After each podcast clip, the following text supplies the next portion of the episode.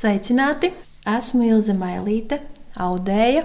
Vai zini, ka pie mums Latvijā stelles bija jau 8. un 9. gadsimtā? Tiesa, tās bija mazliet savādākas nekā mums ierastās pašlaik, kur mēs pieejam, sēžam, aužam, mīdam paminas, nīšu kārtas ceļas. Nē, šīs bija vertikālās, un tas saucas vertikāli aužamie stāvi. Un tagad iedomājamies, ka ir gleznas rāmis, kurš ir nolikts uz zemes. Rāmja apakša ir kā gareniski pārzāģēts koks, kur zāģējuma puse ir nolikta uz grīdas. Savukārt sānu rāmis ir veidots no resniem, lasdas zariem. Augša ir arī apaļš koks, kas ar sānu rāmi ir sastiprināts ar ķīļiem. Katrā sānu rāmī uz audēja pusi ir ieurti mazi zariņi, kas atgādina kaķenes. Tas par konstrukciju, tagad mazliet par pašu aušanas procesu. Rāmja augšai tiek piestiprināti diegi, no kuriem tiek izveidoti mazi kūlīši, un katrs kūlītis rāmja apakšpusē tiek sasaistīts ar māla virtuli. Aušanas process notika vasarā, šo rāmi pieslienot kādā brīvā vietā. Vai nu tas ir mājas ārpusē, vai nu pie kādas citas konstrukcijas. Vertikāli aužamie stāvi ir gatavoti kā replika pēc ārējušu ezeru pilsētas arheoloģiskajā parkā atrastā parauga. Stelles veidojas keramiķis Einārs Dumpis, kas tepat mitinās Madonas novadā.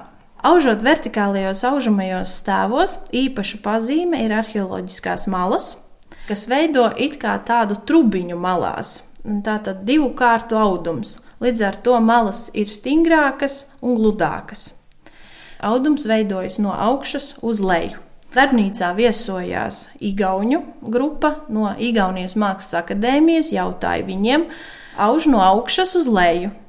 Gulbenes muzejā bija runa ar Azerbaidžānas paklāju muzeja pārstāvjiem. Viņi paklājus auž no apakšas uz augšu. Vēl viena pazīme, kas atšķir mūsdienu audumus no šiem arheoloģiskiem audumiem, ir uz kuru pusi tiek savērta dzīve. Tas var būt gan no labās uz kreiso pusi, gan no kreisās puses uz labo pusi. Parasti tiek izmantota dzija, kas ir vērta no labās uz kreiso pusi, taču virsdrēbē saužot izmantoja pretēji vērto dziju, jo tā ir izturīgāka. Šajās stellēs tika izdomātas ne tikai maisveideģes, bet arī vēl raksti eh, veidoti izmantojot bronzas gredzentiņus. Mūsu senči, aužot vertikālajos aužamajos stāvos, absolūti precīzi bija izdomājuši, kur katram metāla elementam jābūt, lai gala rezultātā veidotos raksts. Audumi, kas tika veidoti uz arheoloģiskiem aužamajiem stāviem, parasti ir zilā vai sarkanbrūnā krāsā. Sarkanbrūno krāsu iegūstam no madaru saknēm, savukārt zilo krāsu no auga, kas saucas krāsu mēle. Tas ir divgadīgs augs. Pirmajā gadā augs izskatās kā nu, pat izdīgušas kāpostu lapas. Otrajā gadā augs zied, un augs zied zeltainiem, skaistiem ziediem, un izskatās kā pērkone. Tas ir apmēram 50-70 cm garš augs.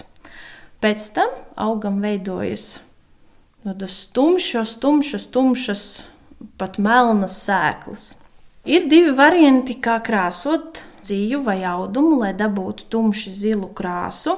Jaunākos avotos minēts, ka tas ir jādara ar pirmā gada lapām, Vecākos avotos ir minēts, ka tas ir jādara tomēr ar otrā gada lapām.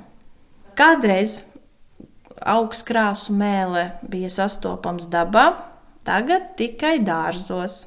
Pie mums ērgļos krāsu mēlis auga sēklas nonāca no Cēzu pilsētas parka. Otrā gada auga lapas izskatās pēc mēlēm, mēlītēm, un varbūt tāpēc nosaukums radies tieši tā.